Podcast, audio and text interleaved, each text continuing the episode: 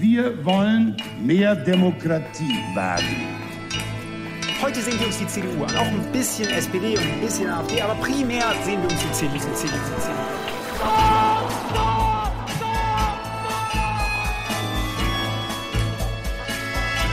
Niemand hat die Absicht, eine Mauer zu errichten.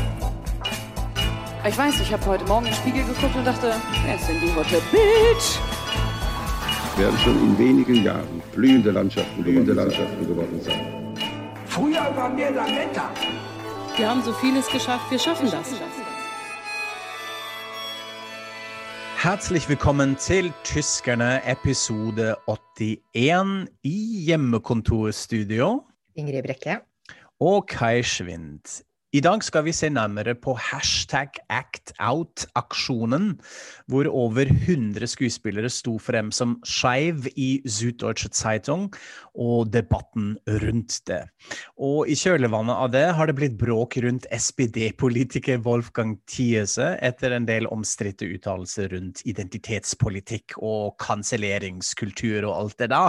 Også det skal vi snakke om. Og i ordspalten ble det språkdrap. Spennende. Men først må vi jo tilbake til det som ble til vår første politikkspesialepisode. Uh, og, og da denne gangen vi snakket om delstatsvalgene i Rheinland-Pfalz og i Baden-Würtemberg. Ingrid, hvordan gikk det? Nå vet vi jo hvordan det gikk. Ja, det gikk jo da omtrent som heldigvis for min del, da, som jeg spådde på forhånd. Eh, og må jeg jo innrømme ganske mange andre også. Eh, og da kan vi jo først si eh, Rheinland Falls kort. Der vant jo eh, SPD, altså Sosialdemokratene, igjen, og beholdt sin veldig populære statsminister Malo Dreyer. Og der skjer det egentlig ikke noe spesielt annet enn at eh, Malo Dreyer fortsetter å regjere med sin Ampel-koalisjon, trafikklyskoalisjon, altså sammen med eh, FDP, det liberale partiet, og De grønne. Eh, I Baden-Würtemberg er det litt mer eh, interessant fremover, fordi der vant jo eh, Winfried Kretschmann for De grønne.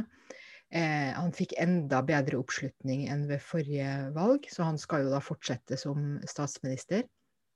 Men han har nå fått valget mellom hvem han vil danne regjering med. Han kan fortsette i en såkalt Kiwi-koalisjon mm. med eh, Kristeligdemokratene, CDO. Eh, eller han kan også der danne en sånn trafikklysregjering. Eh, så nå snakker de sammen, da. Og ellers så har det skjedd eh, en liten eh, et lite personlig drama, nemlig at Susanne Eisenmann, som vi jo nevnte i vår ja. spesialepisode som den stakkars eh, opposisjons... Eh, altså den stakkars lederen for CDO som stilte som statsministerkandidat for CDO, og som mm. var, eller er da, også kultur- og utdanningsminister. Eh, hun gjorde det jo grusomt dårlig. Hun har nå trukket seg fra all politikk, selv om hun skal fortsette i i ministerposisjonen eh, til regjeringa eh, blir oppløst, da. Eh, så det var resultatet så langt i disse to delstatene. Og så kan man jo bare se kanskje litt fremover eh, hva det betyr for eh, forbundsdagsvalget til høsten. Og da er jo en klar trend. De grønne eh, øker. De Grønne gikk jo frem som eneste parti i begge eh, delstatene. Eh, en annen trend er eh, FDP kanskje ikke gjør det så verst. Kanskje er det blitt eh, mer mulig å tenke seg at det kan bli en tysk regjering uten eh, CDO til høsten. Og dette er jo noe som får eh, CDO bare til å skjelve voldsomt. Altså, de er jo et parti som har som hele sin identitet at de skal regjere. Og det at det kanskje begynner å gå opp for dem nå at her kan det gå ordentlig dårlig. Og det kan gå så bra for andre at du kan få en regjering som ikke er så Altså man har jo snakka en del om kan det bli grønn-rød-rød regjering, altså De linke, SPD og De grønne. Og det er jo litt vanskelig, fordi de linker er litt vanskelig å regjere med når de f.eks. ikke vil ha militærinnsats i utlandet. Hvordan har det gått med AFD, da? Vi har jo snakket mye om denne overvåkningsmuligheten fra myndighetene og masse interne fløyekamp og sånn. Har det påvirket resultatene deres? Jeg tror uh, ikke at det har hatt så stor betydning. Altså, det er jo et tolkningsspørsmål. Da. Altså, AFD gjorde jo, gikk jo ned med sånn 4-5 prosentpoeng i begge delstatene, så de gjør det jo ganske dårlig. Men, men um, Eh, om det handler om det med overvåkninga og sånn, det tror jeg kanskje ikke. Jeg tror personlig at det handler mer om at deres hovedtema eh, innvandring, migrasjon, islam og sånn, akkurat nå er veldig u, u, u, lite populære. Da. Det, er ikke, det er ikke det man uh, snakker om. Eh, så det er en sånn forklaring på, på, AFD sin lille nedgang som er mer sannsynlig, tror jeg. Men det er nok den største trenden og det mest interessante. Det er denne elendigheten til, til CDO. Og vi har jo også sett etter delstatsvalget at denne eh, munnbindskandalen eh, den bare vokser. Og, og også andre eh, korrupsjonsproblemer for CDO bare vokser. Nå er det også med en, eh, en tidligere makedonsk statsminister og masse greier. Men dette skal vi nok eh, følge med på og oppsummere ordentlig ved en senere anledning, for dette kan bli et kjempeproblem eh, for CDO. Da kommer vi til dagens første tema, nemlig til hashtag ActOut. For noen uker siden hadde Süddeutsche Zeitung en spesialutgave av sitt faste magasin. Og da sto 185 skuespillere frem som homofil, lesbisk, trans eller non-binær for å utfordre sine egne bransjene. Det vil altså si film, TV, teater og en del andre scenekunstarter. Poenget var ikke bare å bli mer synlig, men også gjøre oppmerksom på at det er fortsatt ganske mange i skuespilleryrket uh, som ikke tør å stå frem som skeiv fordi de opplever diskriminering, mobbing, uh, eller rett og slett ikke får tilgang til uh, mange roller. Um, vi snakket jo allerede litt om det da dette ble publisert, Ingrid. Og jeg husker at du reagerte litt på det når jeg fortalte deg det. Uh, hva var det du reagerte på da? Nei, jeg tenkte at dette var da utrolig gammeldags. Jeg prøvde liksom å forestille meg kunne Dagbladet hatt et sånt magasin der hvor uh, en haug med skuespillere sto frem som det ene og det andre. Og så tenkte jeg bare nei, det tror jeg kanskje ikke. At nå er dette er jo ikke noe problem lenger eh, i Norge. Og, og, det handler kanskje mest om at det var skuespillere, fordi det tenker jeg jo på som den mest liberale av alle bransjer, muligens. Altså Hadde det vært fotballspillere, så ville jeg mer tenkt at ja, det var vel interessant og, og, og viktig. Men eh, nei, det virka veldig eh, rart på meg. Men hva tenkte du da? ja, jeg var også litt overrasket eh, at dette skapte så mye oppmerksomhet og debatt. Og det, da viser det kanskje at jeg har vært eh, i Norge en stund nå også, at jeg syns det er litt rart. Fordi realiteten ser jo litt annerledes ut i Tyskland uh, fortsatt. Uh, det vet jeg jo også. Kanskje oppmerksomheten også uh, resulterer i at det var en del ganske kjente skuespillere som er med, altså f.eks. Ulrich Mattes, som de fleste her i Norge sikkert kjenner fra The Untergang, som Josef Goebbels. som, som, som sto frem, men også Jannik Schumann, en, en ganske ung skuespiller eh, som jeg faktisk har jobbet eh, sammen med. Så dette var litt, eh, litt eh, morsomt og interessant å se. Og han hadde outa seg allerede på Instagram før jul, så dette ble en, det er en sånn konstant eh, tema akkurat nå. Så det var interessant å se hvem som er med. Uh, men så er det jo virkelig ingen tvil at Tyskland henger litt etter uh, på, på, en del relaterte områder der sammenlignet med Norge. altså F.eks. angående LHBT-rettigheter, når man tenker bare for, uh, på likestilt ekteskapsloven, som ikke kom før 2017. Ja. Og jeg husker jo også fortsatt Angela Merkel i valgkampen da, i samme året var det vel, eh, hvor hun ble konfrontert av, et, eh, av det temaet av et homofilt par i en sånn spørretime, og hun var da begynt å svette og veldig usikker, og jeg beklager, og jeg har fortsatt et visst ubehag rundt det spørsmålet Ja. som hun eh, kalte dette. Så det viser jo virkelig en fortsatt eh, litt annen tilnærming. Men eh, som du sier, jeg tror også at mange var overrasket på at dette var noe spesielt skuespillbransjen eh, som da eh, acta out, som man forbinder kanskje med mer åpenhet, og uh, ser den generell for å være uh, med, mye mer fargerik. Uh, det er jo egentlig også, også som du nevnte, at eh, spesielt profesjonell fotball er mer da sett på som et slags problembane her, når vi snakker LHBT-rettigheter. Og da var det jo faktisk også litt eh, debatt eh, ikke så lenge siden, fordi Philip Lahm, veldig kjent eh, nå eks-nasjonal eh, fotballspiller, som ga ut eh, memoarene sine. Og blant annet hadde han en passasje der inne hvor han konkluderer med at han fortsatt ikke vil anbefale homofile toppidrettsutøvere, spesielt fotballspillere, til å komme ut av skapet, til å, å stå frem. Eh, fordi det er fortsatt eh, for, for, for, for mye mobbing, for mye diskriminering, og spesielt også fra fansene og sånt. Og det blir jo en slags backlash da òg, fordi det er eh, nettopp den litt sånn mis, misoppfattede empatien. At man ikke helt ser at man har del av problemer når man sier sånt. Og det førte til en liten kampanje fra andre spillere som eh, kom med sånn Instagram- og hashtag-kampanje og sier vi støtter deg. Hvis du anonymt topp fotballspiller nå har lyst til å komme ut av skapet, så, så er vi ved den side. Så det var jo litt fint at det trygger det. Men, hvorfor gjorde han det i det hele tatt, da? For han er ikke homofil selv. Altså, hva skulle være vitsen med å komme med en sånn utsagn?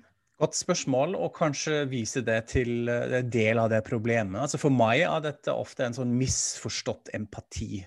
Eh, litt som det bekymrede foreldre som har en homofil sønn og sier 'Å, stakkars deg, for et liv du kommer til å ha'. Ja, Ikke mm. si det, ikke si det høyt. Uh, og at man da ikke ser at man har en del av problemet, faktisk, med dette. Mm. Eh, så, men denne, denne backlashen var jo også litt nyansert. Altså dette, det, det var faktisk ganske, et, et ganske sunt tegn, og egentlig har jeg aldri sett eh, fotballbransjen kommer på banen så langt rundt dette som før, så kanskje vi ser en liten endring der Mm. eh, nå også. Men tilbake til denne act out-saken. da. Altså, hva, hva var det den debatten handla om? Hva, ble folk støtt, eller, eller sy- syntes de det var irriterende, eller hva var Mm. greia? ja. Nei, altså ikke støtt, men uh, det kom en litt merkelig ja, vi kan kanskje kalle det for konservativ backlash på det manifestet. Uh, og det som er litt interessant, at det kom fra et kanskje litt uventet sted. Uh, men altså, aller først var det journalist Sandra Kegel uh, ute. Hun er den såkalte feuilleton-sjefen til FAZ, altså Frankfurter Allgemeine Zeitung. Dette da tilsvarer altså kulturredaktør i Norge. Og hun skrev en kronikk Uh, hvor hun var litt i tvil om motivasjonen til disse skuespillerne, eller uh, rett og slett beskyldte dem for å ha stått frem for å sutre seg frem til flere ja. jobber. Nå, spesielt under pandemien, ja, rett og slett sånn OK, vi får få litt mer oppmerksomhet. At de spiller homokortet. Uh, og i tillegg mente Sandra Kegel at det rett og slett ikke fins denne diskrimineringen som Act Out-folka påsto. De sa litt som det vi lurte på, ja jo, det er jo en kul bransje og alt er avslappa og sånn, men det er jo ikke sant. Så da ble det rabalder, da, eller? ja, ikke, ikke med en gang, fordi altså, dette er jo FAZ, ja, en konservativ avis. Det blir litt reaksjoner i sosiale medier, og jeg tenkte også ja, ja, deg om det, litt, sånn, litt som forventet. Men så kommer det som er litt uventet, i hvert fall for meg. Eh, det syns jeg var litt spennende, fordi Sandra Kegel ble altså bedt å delta i et arrangement i regi av SPD, Sosialdemokratene. Og ikke bare SPD, men SPD sin grunnvertekommisjon, altså grunnverdiskommisjonen. Eh, og for å være helt ærlig, jeg visste ikke at de hadde noe sånt. Jeg forbinder dette med, med CDU hovedsakelig, og de har jo også litt i media iblant, men SPD sin grunnverdikommisjon har jeg aldri hørt om. Visste du det, Ingrid? Nei, jeg skal vel være ærlig jeg òg, da. Nei, jeg visste heller ikke det. Men jeg har jo da slått opp i Wikipedia, Ja. vår gode venn. Mm. Og der står det altså at SPD har faktisk hatt en, eh, sin grunnverdikommisjon siden Willy Brandts tid, altså 1973. Ok. Eh, og vitsen med denne, dette forumet det er at man skal diskutere ting som ikke står på den politiske dagsordenen, men som er viktig i det lange løp. Altså man skal se fremover og snakke om de fundamentale verdiene som samfunnet står for. Da. Så det er jo et slags uh, viktig politisk verksted og, og tenkested. Um, og så ble jo dette møtet ledet av uh, Gesine Schwan. Ja. Og det er jo også ikke noen uh, hvem som helst da, i sånn sosialdemokratisk sammenheng. Hun er en veldig profilert eh, og godt kjent eh, sosialdemokrat, selv om hun aldri har vært profesjonell politiker, tror jeg. Mm. Eh, hun prøvde nemlig to ganger å bli Tysklands første kvinnelige president. Hun er en sterk feminist. Og som vi alle vet, så det gikk jo ikke det, men hun prøvde. Mm. Eh, Men det hun er ellers mest profilert som, det er jo at hun er en veldig kjent akademiker og er professor i statsvitenskap. Eh, Født i 1943. Hun er altså 78 år gammel, har en stor akademisk karriere bak seg og bl.a. vært president for eh, Europauniversitetet Viadrina. Så det, hun har stor tyngde og er en viktig eh, sosialdemokrat. sånn at dette, ikke rart at dette møtet fikk omtale og da kritikk. Ja, ikke sant? Og jeg har jo sett gjennom hele dette møtet, som var litt krevende, må jeg innrømme. Eh, Temaet var altså kultur, schaft, demokrati. eh, Og man skulle altså belyse hvordan altså kultur eh, fremmer demokratiske verdier, og hvor viktig det er å fremme demokratisk mangfold i meninger og posisjoner via kultur. Men så hadde de altså valgt å ha med Sandra Kegel, så hun kunne legge frem hypotesene sine en, en gang til. Og det som var litt interessant å se på, og kanskje gjør litt vondt også for mange, er at hun da altså får litt støtte av Gesine Schwan og en del av de andre til eh, eh, deltakere. At man rett og slett begynner å tulle litt og flåse dette litt bort. eh, det som kravet er, eller forsøket det som Act Out-manifestet skulle få til. Da tuller man litt. og så I tillegg blir det litt krøkkete nå. altså Gesine Schwan også misgendere en av skuespillerne, nemlig Heinrich Horwitz, eh, som er altså en trans-skuespiller eh, som hun omtalte med eh, pronomen han. Men det stemmer ikke, og så blir det eh, litt eh, backlash rundt det òg. Så litt sånn alt spurte veldig, veldig av, og eh, debatten gikk skikk skikkelig feil.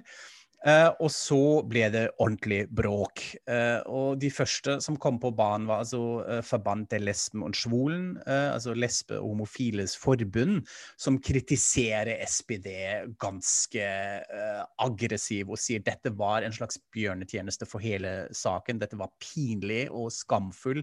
Her skal man altså alliere seg egentlig med de minoritetene og snakke deres sak, men så gjør man helt motsatt. Man står frem som en privilegert akademisk uh, overklasse uh, og bæsjer ned på, uh, på forsøket her.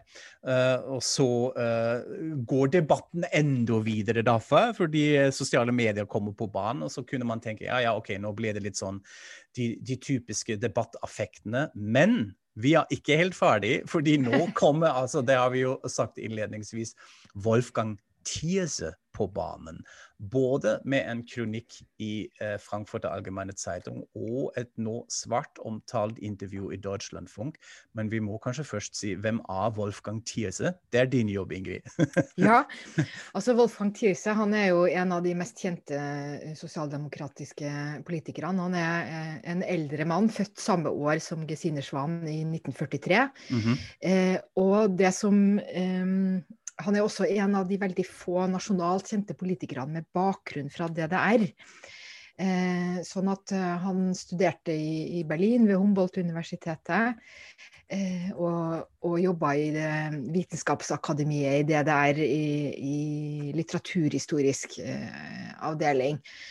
Eh, Og var ikke da politisk Han var jo ikke i kommunistpartiet og ikke politisk aktiv før Mm. etter eh, murens fall. Eh, og gikk da inn i SPD og fikk eh, flere eh, store og viktige posisjoner. Og den høyeste av alt er at han var president i forbundsdagen i, flere år, i mange år.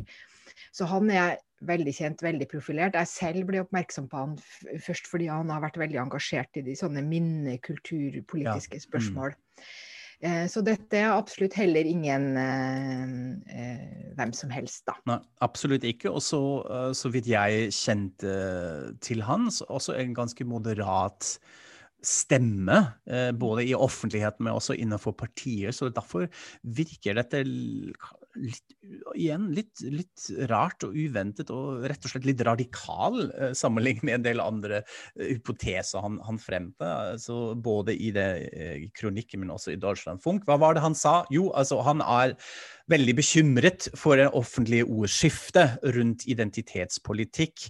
Eh, identitet som enten ble fremmet som veldig radikalt f.eks. fra høyresiden, som har en sånn overfokus på nasjonal identitet, men også da fra venstresiden, eh, som han mener bidrar til en radikalisering av diskursen. At vi snakker altfor mye om postkolonialisme og gendering. Man maser for mye om strukturell rasisme, eh, og at det ikke speiler virkeligheten. Uh, og da kommer shitstormen, som han selv sa det i, i Deutschland Funk-intervju, hvor han altså fremmet de, uh, disse meningene igjen. Og han da ser seg selv som en, som en offer Eh, han, han, bruker de begrepene selv. Jeg blir nå omtalt som den rasistiske, dumme, gamle, hvite mannen som kan ingenting, og uh, sier uh, Begynner å sause sammen alle, alle temaer som of, så ofte kjennetegner disse debattene. Så han snakker da plutselig også om den antagelige språkforvirringen rundt gen, gendered sensitive språk, altså dette med politikere innen osv. Uh, og han mener det holder ikke å si 'jeg er offer' og føler meg urettferdig behandlet. Um, men så kommer dette uh, som kanskje skapte aller mest debatt, altså rundt uh, temaet som kulturell appropriasjon. Uh, da han nemlig forsvarer blackface oi. Og, og, sier dette er helt feil hvordan vi vinkler dette. Dette er jo egentlig et tegn for pluralitet. Ekte mangfold. Da kan alle spille alle roller, og alle kan kle seg ut som alle. Det er bare tull å kritisere dette. Og så er også denne stakkars journalisten i Deutschland Funk litt satt ut. Da er det en sånn litt lang pause etter denne uttalelsen, og han må samle seg litt og spørre altså, hva var det du sa? nå. Og så raser jo uh, debatten uh, videre, og nå må han forsvare seg selv, og andre i partiet må komme på banen og distansere seg eller alliere seg. Og så er vi litt der. Ja, for var det ikke det som skjedde, at, eh, at uh, Sasja Esken, en av lederne i SPD, ber om Skriver et brev til Jeg tror det var til Forbundet for lesbiske og homofile. Ja. At, mm. Hvor hun ikke nevner han med navn, men hun, hun liksom ber om unnskyldning på vegne av partiet. Ja. Eh, og så tilbyr Wolfgang Tirse seg å trekke seg fra partiet. Mm. Og så eh, får jo mange panikk, og så har de snakka sammen veldig mye på telefon, og han har foreløpig ikke trukket seg, så vi får se eh, hvordan det går, da. Mm. Men eh, jeg leste en veldig interessant artikkel i Der Spiegel om dette. Eh, hvor man prøver å drøfte litt hvorfor, hvorfor er dette vanskelig for SPD. Og da eh, trekker man egentlig opp også De Linke og viser at venstresida sliter jo med at deres uh, store sak alltid har jo vært uh, å kjempe for grupper som er økonomisk urettferdig behandla. Altså at man har, har, denne økonomiske analysen som skal uh, ligge bak. Og det er på en måte der kampen står. Eh, så de er ikke skrudd sammen til å takle disse identitetspolitiske nye eh, motsetningene. Og i artikkelen ble det særlig pekt på hvordan de linke har slitt med eh, migrantspørsmålet.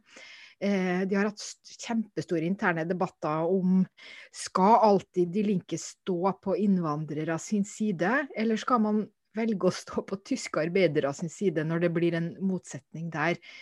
Eh, og dette er på en måte en slags svøpe for eh, venstresidepartiene, at den økonomiske analysen da ikke er brukbar på disse hva skal man kalle det, nye typene eh, problemstilling. Da, sånn at det er vel dette Tirse på, på, på, riktignok hjelpeløst vis prøver å liksom rydde litt opp i og si at det er andre ting som er viktige for oss. Og hvis vi også skal liksom holde på med dette, hvem skal da holde på med økonomiske motsetninger og klassebevissthet og sånn, gjetter jeg da.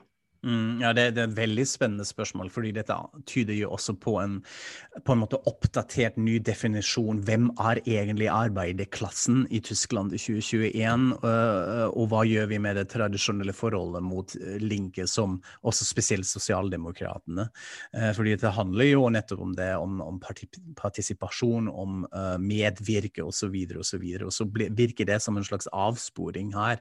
Men samtidig altså, er det jo også noe med hele framingen, og da holder jeg helt med eh, journalist eh, Stefan Detjen i eh, Deutschland som også kommenterte hele saken med en sånn slags metaetisk analyse, hvor han sier her har også mediene ansvar, rett og slett. Vi må, Journalister og medier må være mer obs på at vi ikke sånn refleksaktig tar side her, men at vi har et oppdrag om å avbilde hele spektrum av de meningene, og rett og slett prøve å være med å ta ned temperaturen. Og iblant betyr det også at vi må Uh, ikke gå i sånne clickbait-feller uh, som, som, har, som han også selv kritisk sier Deutschland Funk har gjort, med å legge opp til sånne intervjuer. Og uh, det jeg leste liksom mellom linjene her, var også at vi må kanskje også beskytte disse, denne eldre generasjonen politikere iblant fra seg selv. fordi man kan ta ut noen av de posisjonene da, som selvfølgelig gir mening, og som må vare med i diskursen, men også prøve å å roe ned stemningen via det språket vi bruker også uh, som journalister. Ja, fordi det, En ting er jo at Wolfgang Tirse nå eh, en, har vært virkelig en dust ja. i, i, mange, i, i, et visst perspektiv. Altså, det er noe med at man kanskje må akseptere at når man begynner å bli eh, snart 80 år og sånn, at man trenger ikke å mene så mye hele ja. tida om ja. hva som foregår mm. uh, blant den yngre garde. Det er en lærdom for alle, tror jeg. Bare mm. la være. Men uh, samtidig så tenker jeg at det, det, poenget til Detjen er også veldig viktig, fordi det kan utvides til å handle om hele samfunnsdebatten. Altså, skal det være sånn i samfunnet at en god del mennesker, enten de er eldre eller de er bare ikke spesielt interessert i språk eller ikke akademikere eller noe, skal være så redde for at man skal snakke feil eller føle at deres personlige språk altså Språket er jo veldig privat og personlig og, og lada med følelser. ikke sant? At alt de sier er feil, og at de bruker hele tida feil ord, at de ikke klarer å henge med i svingene. At det å være så rigid i denne, disse språkkravene er jo skummelt for den politiske debatten. Så det gjelder på en måte å finne en slags mellomting av at man selvfølgelig skal være mer og mer inkluderende og, og være sensitiv for det individer forteller og, og, og grupper forteller, men samtidig ikke liksom utelukke andre fra å delta i den politiske debatten. Det er fryktelig spennende, dette. Ja, ve veldig spennende å uh, peke mot mye sånn større utfordringene som vi har hele tiden i, i, den debatten. Nemlig hvordan, som du sa, håndterer vi følelser, og da spesielt også usikkerheter. Dette mm. er jo et tegn for en usikkerhet på tvers av hele spektrum. Hva vil de da nå? Uh, tar de noe fra meg? Uh, hva, hva, hva, skjer? Og hvordan håndterer man det? Og hvem er de smarte som klarer å gjennomskue dette og håndtere dette? Dette er jo den største utfordringen, kanskje. Men hvis vi trekker det litt tilbake på det politiske nivået, så syns jeg også er det ganske interessant og kanskje da mest for SPD, uheldig tegn, uh, som viser litt at de er sånn sett igjen litt out of touch med hvordan hvor ordskiftet beveger seg, hvor de, de grønne mye, henger mye mer i, i tidsånden, mm. hvis vi kan bruke det begrepet. Da har man ikke sånne debatter. Man, man fremstår så mye mer empatisk, f.eks. ved å faktisk gendere mye mer offensiv i språket sitt, og snakke om vele innen og sånne ting. Og ikke ta en sånn innviklet debatt og fremme de eldre i, partiet, men heller, heller gjøre det omvendt, og så fange opp sikkert ja. uh, mye mer av unge velgere rundt dette, noe som, som SPD er jo veldig desperat å få til.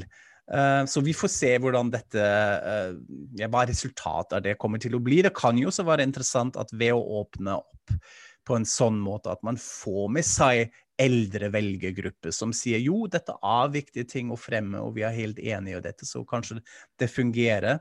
eh, Eller alt imploderer. Vi får se.